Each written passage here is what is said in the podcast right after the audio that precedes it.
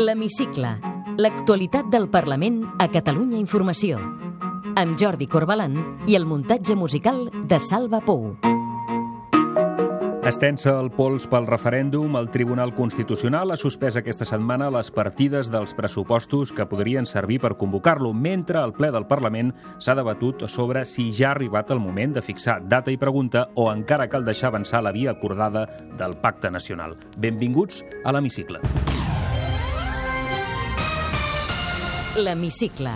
L'actualitat del Parlament a Catalunya Informació. El govern manté que farà el referèndum tot i que el Tribunal Constitucional n'ha suspès les partides dels pressupostos. Mantenim eh, allò que és un pols democràtic 100% democràtic. La CUP apressa Puigdemont a concretar el referèndum a la sessió de control del ple del Parlament. És de sentit comú que fixem data i pregunta. Estem a menys de sis mesos per celebrar-lo. El camí del referèndum acordat és un camí que l'hem de recórrer fins al final i una mica més si cal. I l'oposició torna a demanar al president que convoqui eleccions. Convoque elecciones eh, autonómicas de una vez. El seu president, és més, incompleix les seves pròpies promeses, que no li aguanten ni una setmana. Defensors del poble de tota Europa es troben al Parlament i analitzen l'auge del populisme. És al cor mateix de les nostres democràcies que el populisme existeix. I ens contestarà en una frase al qüestionari de l'hemicicle Alejandro Fernández, portaveu del Partit Popular al Parlament de Catalunya.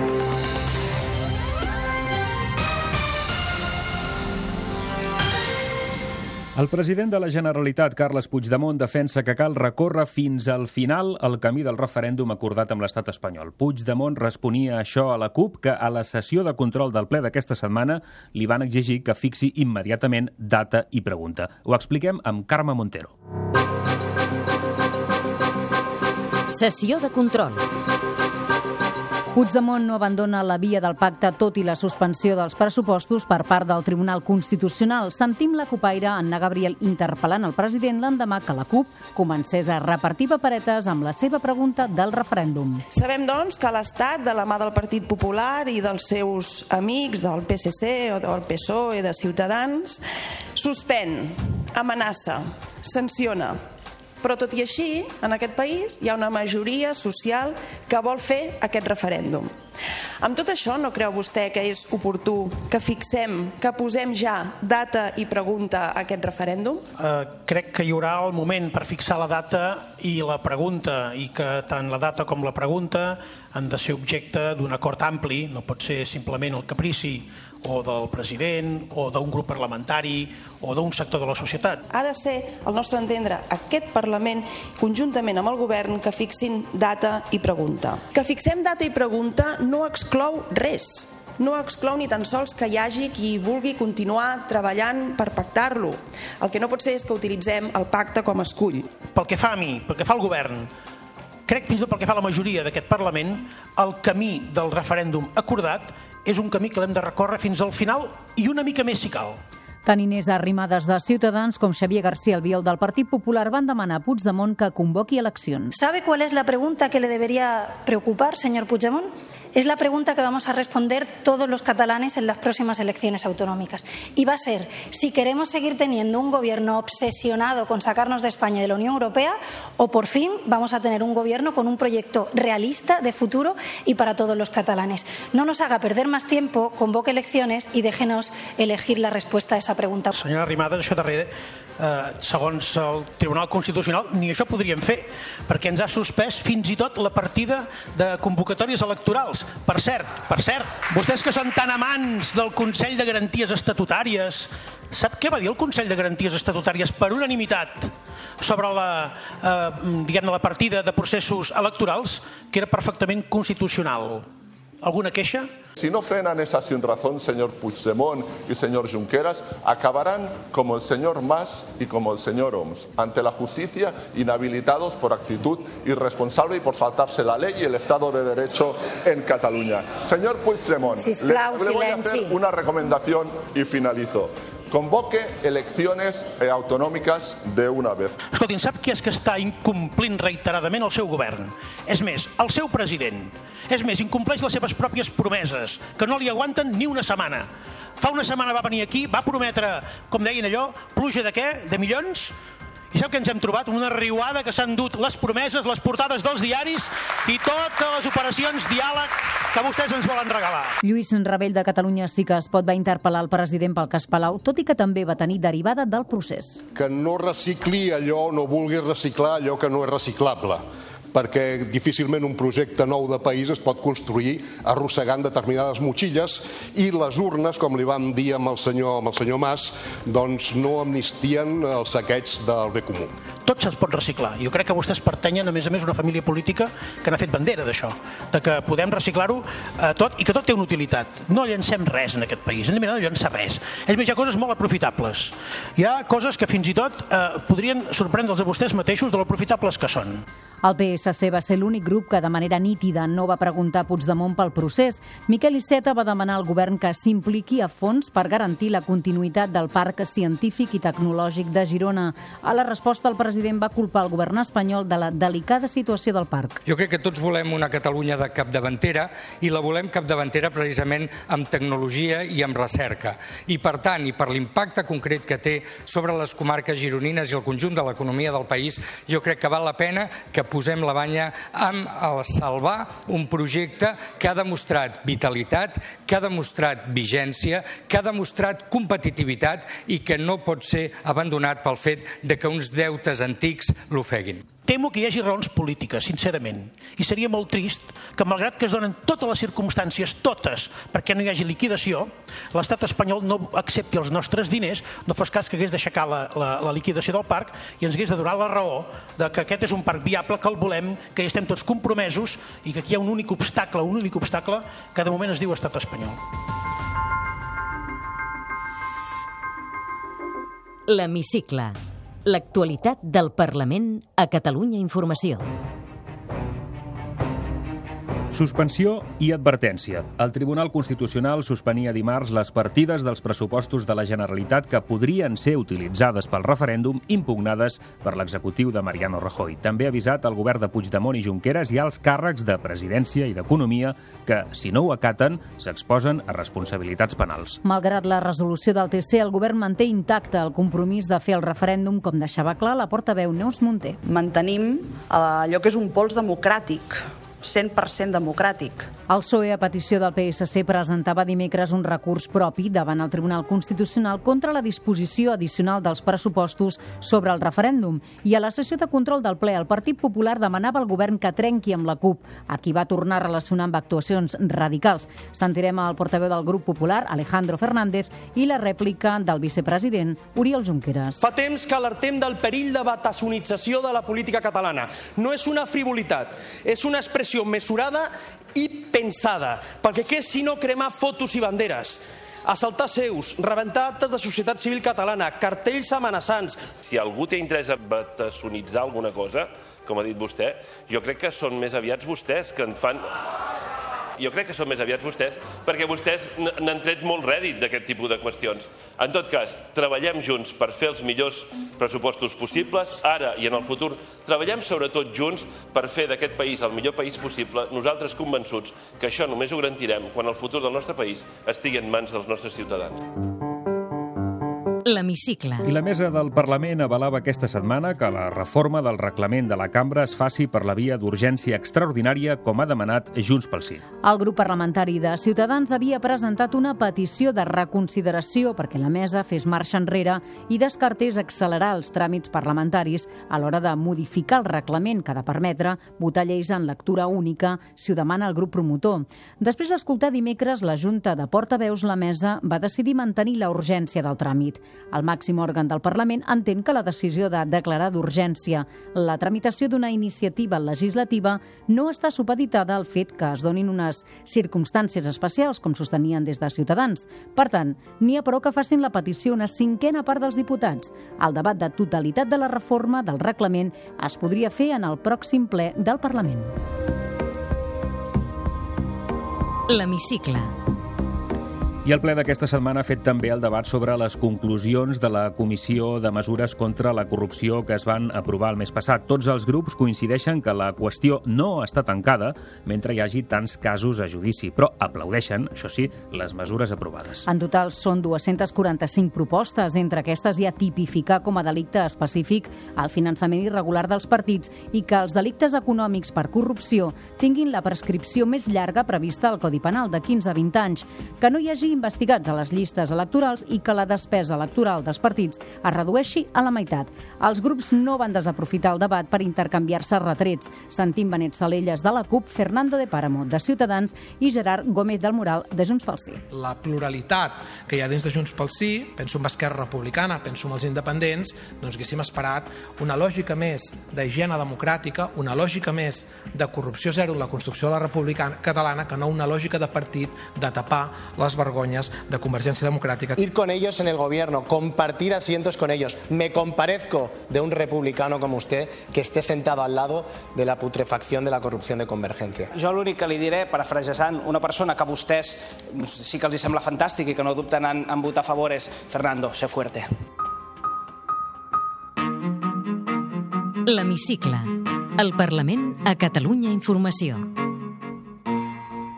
Els defensors del poble europeus alerten de l'ascens del populisme a Europa i defensen actuar de manera coordinada per afrontar-ho. Aquesta setmana s'han trobat al Parlament en un seminari internacional organitzat pel Síndic de Greuges de Catalunya.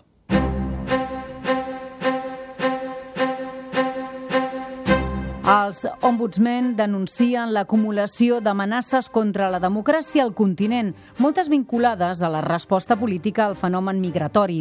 Peter Tyndall, defensor del poble d'Irlanda i president de l'Institut Internacional d'Ombudsman, assegurava que el problema ha sortit de dins. Is, is és al cor mateix de les nostres democràcies que el populisme existeix.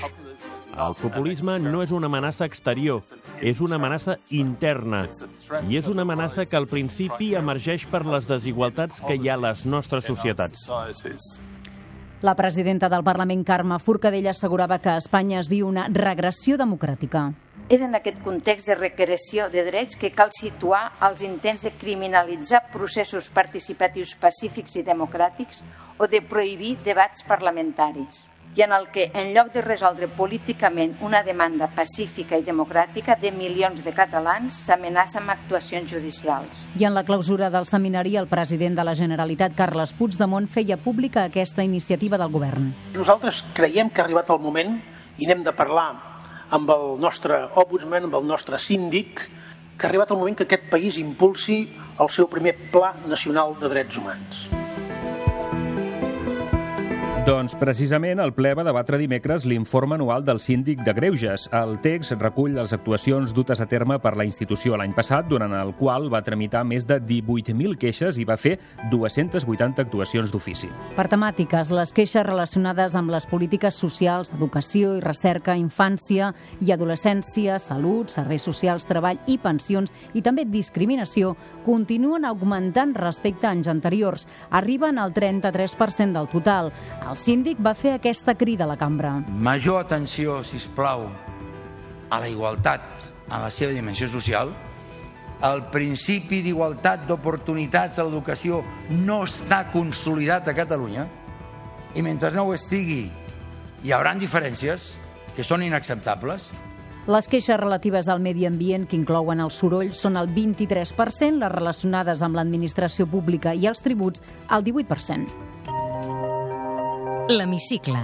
El Parlament a Catalunya Informació. I el ple d'aquesta setmana ens ha deixat aquests altres titulars. El Parlament encomana al govern que faci un estudi per crear una empresa pública per gestionar les autopistes catalanes. És un dels punts d'una moció de la CUP que ha aprovat el ple després de transaccionar-la amb la majoria de grups. El Parlament mostra també el seu suport a tots els municipis que estan en vies de municipalitzar serveis públics i béns comuns. En aquest punt, Junts pel Sí va votar dividit. Els diputats d'Esquerra hi van donar suport i els del PDeCAT hi van votar en contra. La copaire Eulàlia Natàlia Reguant estava satisfeta de l'aprovació del text. Entenem que és una qüestió de mínims per començar a recuperar sobiranies, però com a mínim perquè aquest Parlament comenci a veure o posar negre sobre blanc sobre com recuperem i garantim drets bàsics com són els béns comuns.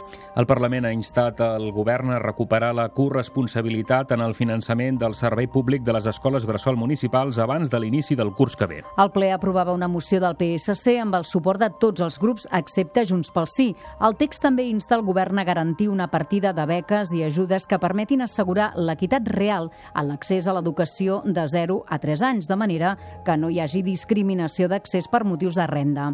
El grup de Junts pel Sí també es va quedar sol votant en contra en un punt d'una altra moció presentada pel Partit Popular, que demanava augmentar el nombre d'auxiliars i batlladors de les escoles bressol. La cambra demana dotar els centres educatius de personal amb formació específica per a alumnes amb necessitats educatives especials associades al trastorn de l'espectre autista. El ple va aprovar amb el suport de tots els grups una moció de Ciutadans que també demana introduir en la programació infantil de la televisió personatges amb autisme perquè els nens coneguin millor aquests trastorns i els assimilin amb normalitat. La diputada de Ciutadans, Lorena Roldán, va reivindicar el suport a les famílies. Un niño con TEA influye en su familia tanto como su familia influye en él y es por eso que el objetivo principal de esta moción ha sido precisa, precisamente los padres, las familias.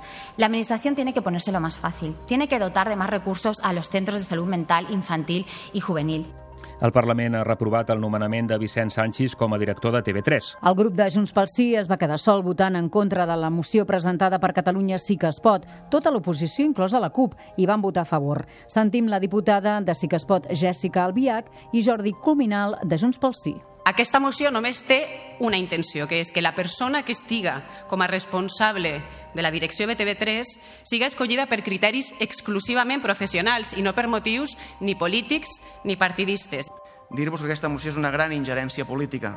Es demana reconsiderar un nomenament no per la trajectòria professional, no pel que aquesta persona hagi fet ni dit en l'exercici del seu càrrec, sinó pel que aquesta persona pensa. Aquesta moció és un veto polític a un periodista. I el ple feia dimecres un minut de silenci per les víctimes de les inundacions a Mocoa, a Colòmbia. Es va llegir una declaració institucional signada per tots els grups en què el Parlament mostra el seu condol als colombians i expressa la solidaritat amb les institucions del país davant les pèrdues materials ocasionades per les inundacions. Té la paraula Soc l'Alejandro Fernández, portaveu del Partit Popular al Parlament de Catalunya.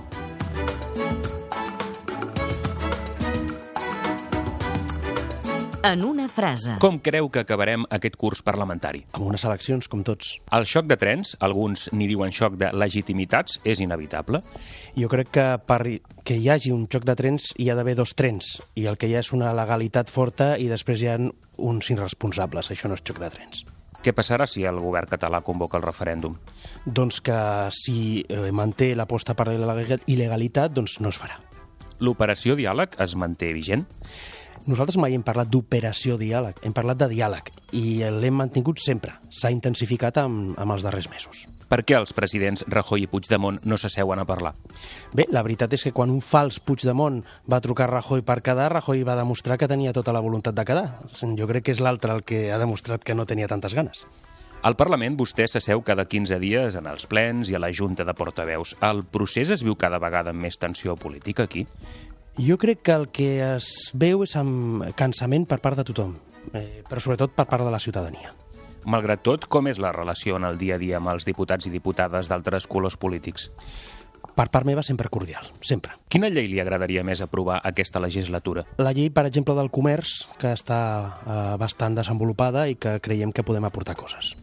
Alejandro Fernández porta, diria, la política a la sang. És llicenciat en Ciències Polítiques i de l'Administració, ha estat professor d'anàlisi de polítiques públiques a la Rovira i Virgili.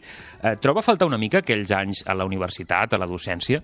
La veritat és que sí, vaig deixar l'any 2012 perquè vaig marxar a Madrid al Congrés dels Diputats i després de 12 anys de professor eh, sé que algun dia tornaré, perquè la política no dura sempre. Vostè ara ho deia, ha estat també diputat al Congrés i durant molts anys en regidor a l'Ajuntament de Tarragona, d'on ha ocupat el càrrec de primer tinent d'alcalde. L'omplia més la política local o la que fa aquí al Parlament? Són coses diferents. El que puc assegurar és que la millor escola és la política municipal. D'això sí que no tinc cap dubte. De vostè va dir García Albiol que no té por de dir el que pensa. És aquesta la seva principal virtut política? Home, de les virtuts d'un és millor no parlar-la perquè queda una mica presumptuós. El que sí que puc assegurar és que els principis ideològics els tinc molt assumits i molt interioritzats. Doncs ara digui'ns un defecte seu. Bo, mare meva, m'agrada menjar massa. Un referent polític. Ronald Reagan i Margaret Thatcher. A quines llengües parla? Anglès, català i castellà. El seu pla perfecte pel cap de setmana. Doncs amb les meves filles, la meva dona, eh, si és cap de setmana aquí prop, doncs probablement eh, al Delta de l'Ebre, per exemple. Si és una mica més llarg, m'agrada molt Astúries, que és la terra de la meva família. Quin cotxe condueix? Un Mazda CX-7. És soci d'algun club esportiu, membre d'alguna ONG o entitat?